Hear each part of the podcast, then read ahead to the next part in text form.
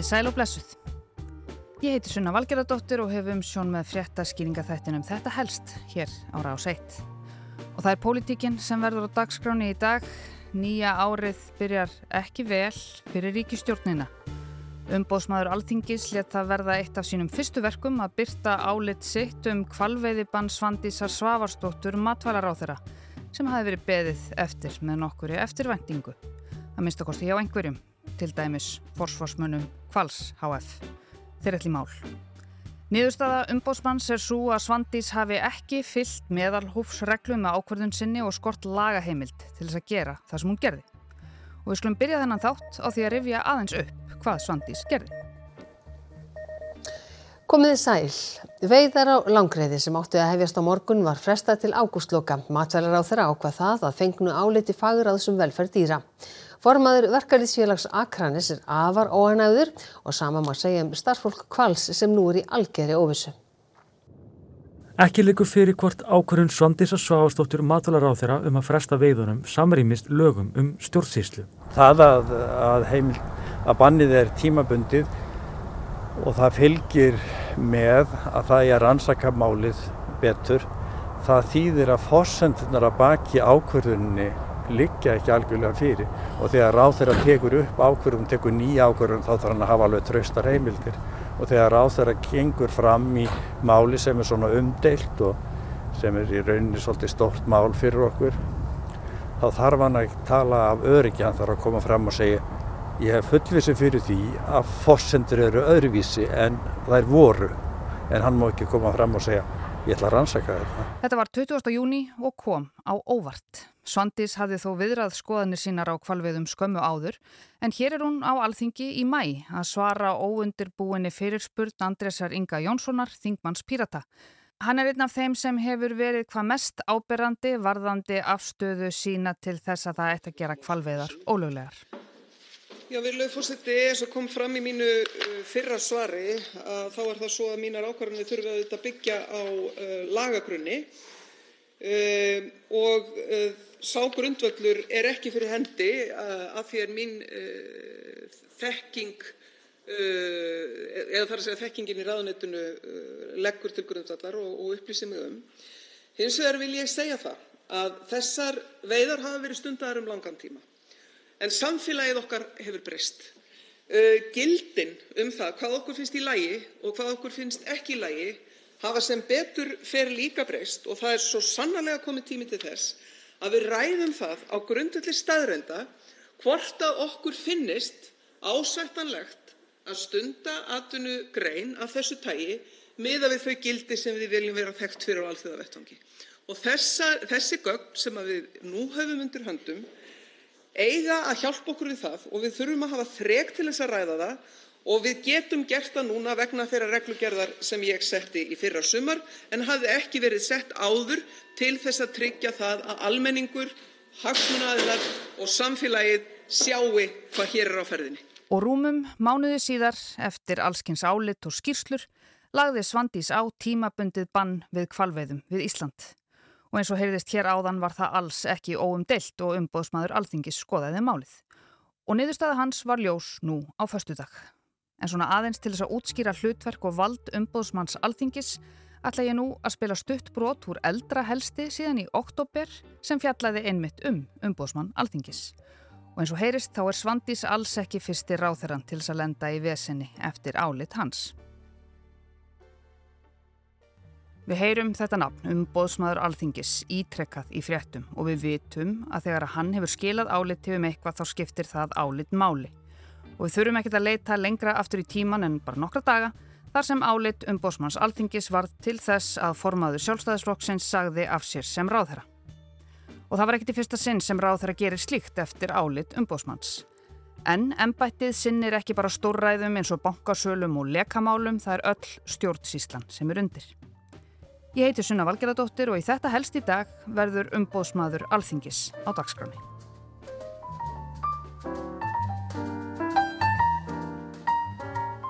Stittan af óþekta embættismanninum stendur við Reykjavíkur tjörn og blasir við bæði ráðhúsinu og Alþingishúsinu.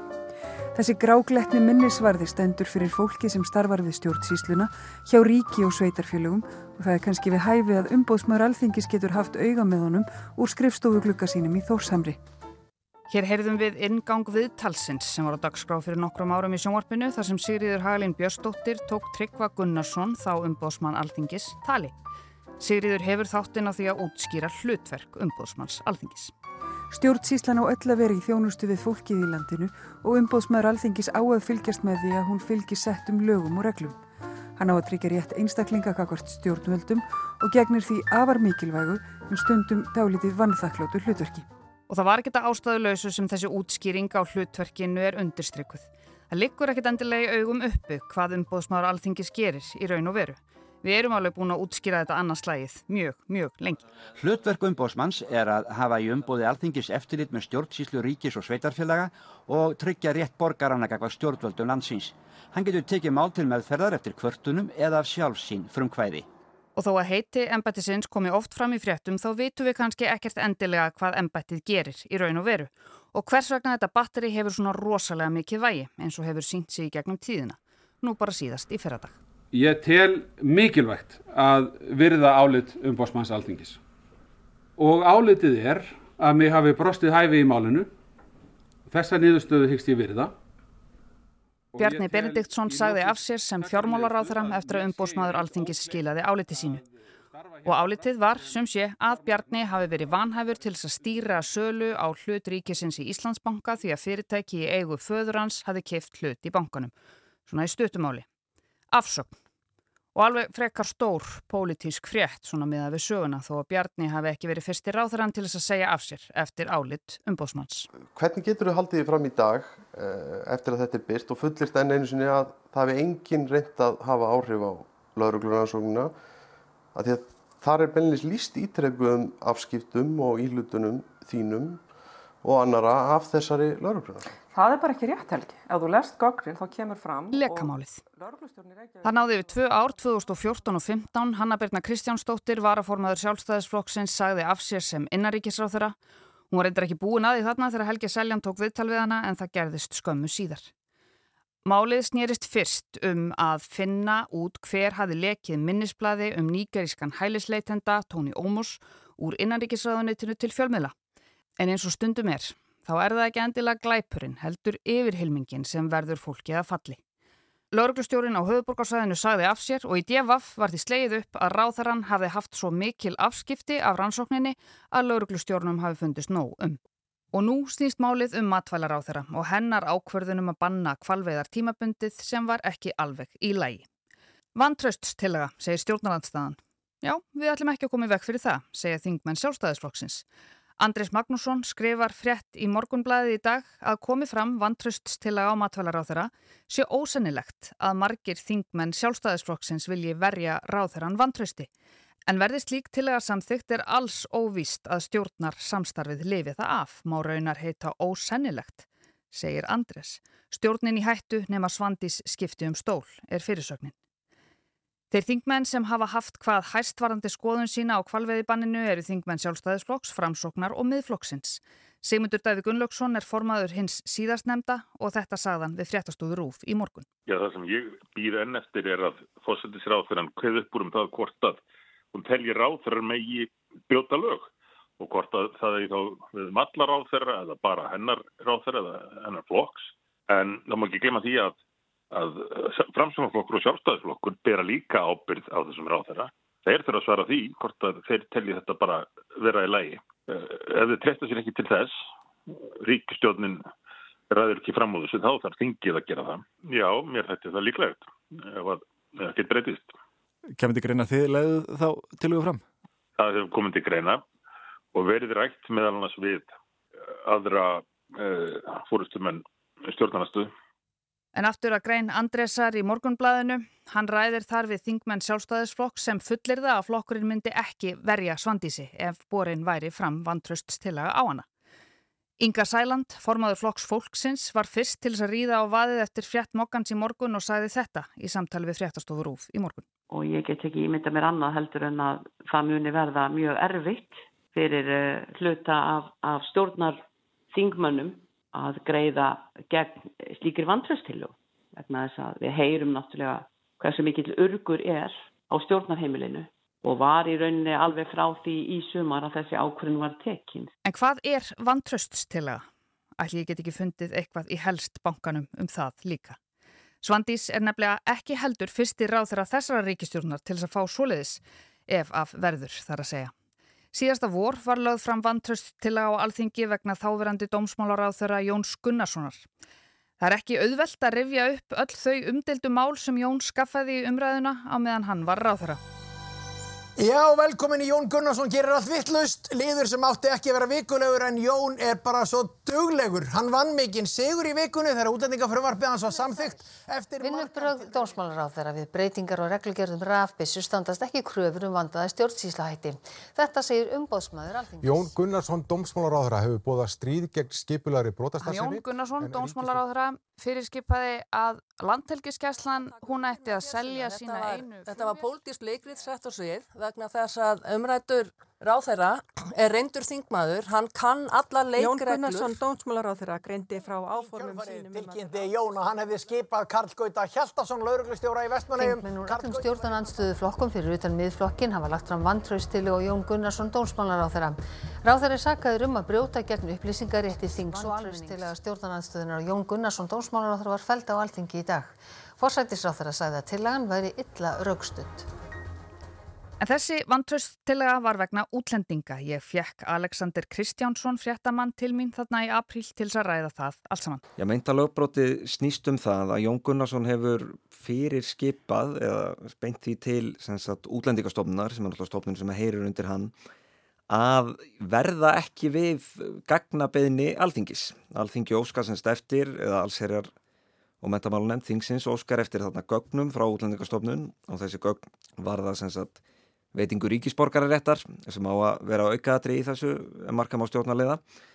Þannig að allserur og mentamálunemnd þarf þessi gögn til þess að geta afgreitt umsóknir um íslenska ríkisborgararétt sem er eitthvað sem að þingið gerir eitthvað hluta vegna.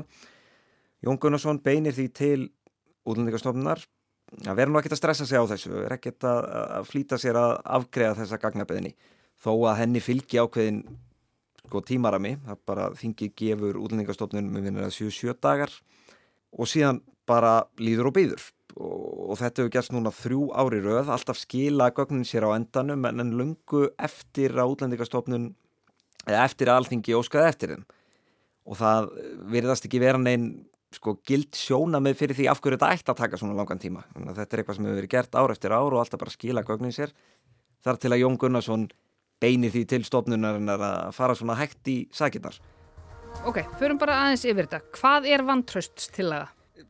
Já, vantraust til að Íslandi er þingræði sem, sagt, sem er náttúrulega þýðir að, að ráðferðar verða að njóta traust þingsins þannig að hvenar sem er geta þingmenn lagt fram vantrausttilugu og ef meiri luti þings samþykir hana og treystir ekki ráðferðanum þá, þá þarf hann að víkja og þetta er náttúrulega aðtiklisvert fyrir það að segja að þetta er það hefur nú oft komið fyrir að, að vantraust sé lagt fram eða vantraust tillaga sé lögð fram gegn e, ríkistjórn en þetta er bara í þriða sinn sem að tillaga allavega í liðveldisögunni sem að tillaga er lögð fram á hendur einstakar á þeirra það var fyrst 1953 gegn Bjarnar Benditsinni metamálur á þeirra og svo aftur 2018 var það ekki. Þá var það Sigurður Andersen Atkvæðagreysla stendur nú yfir á alþingi um vantraust til og dómsmálar á þeirra stuðningsmenn tilugunar segja að þeirra ekki kunna að fara með valdsi Formaður sjálfstæðisflokksinn segir tilugunni ætlið að koma höggja á ríkistjórnina og svo núna.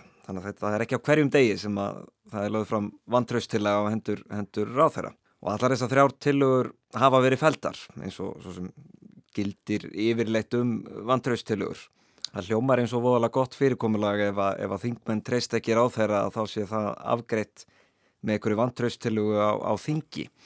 En svona í raunveruleikunum þá kannski fer þetta ekki fram í, í sölum alþingis heldur í einhverjum hliðarherbyggjum þar sem að já, flokkarnir þrýsta hver á annan um að, um að skipta ráð þeirra út. Mm -hmm.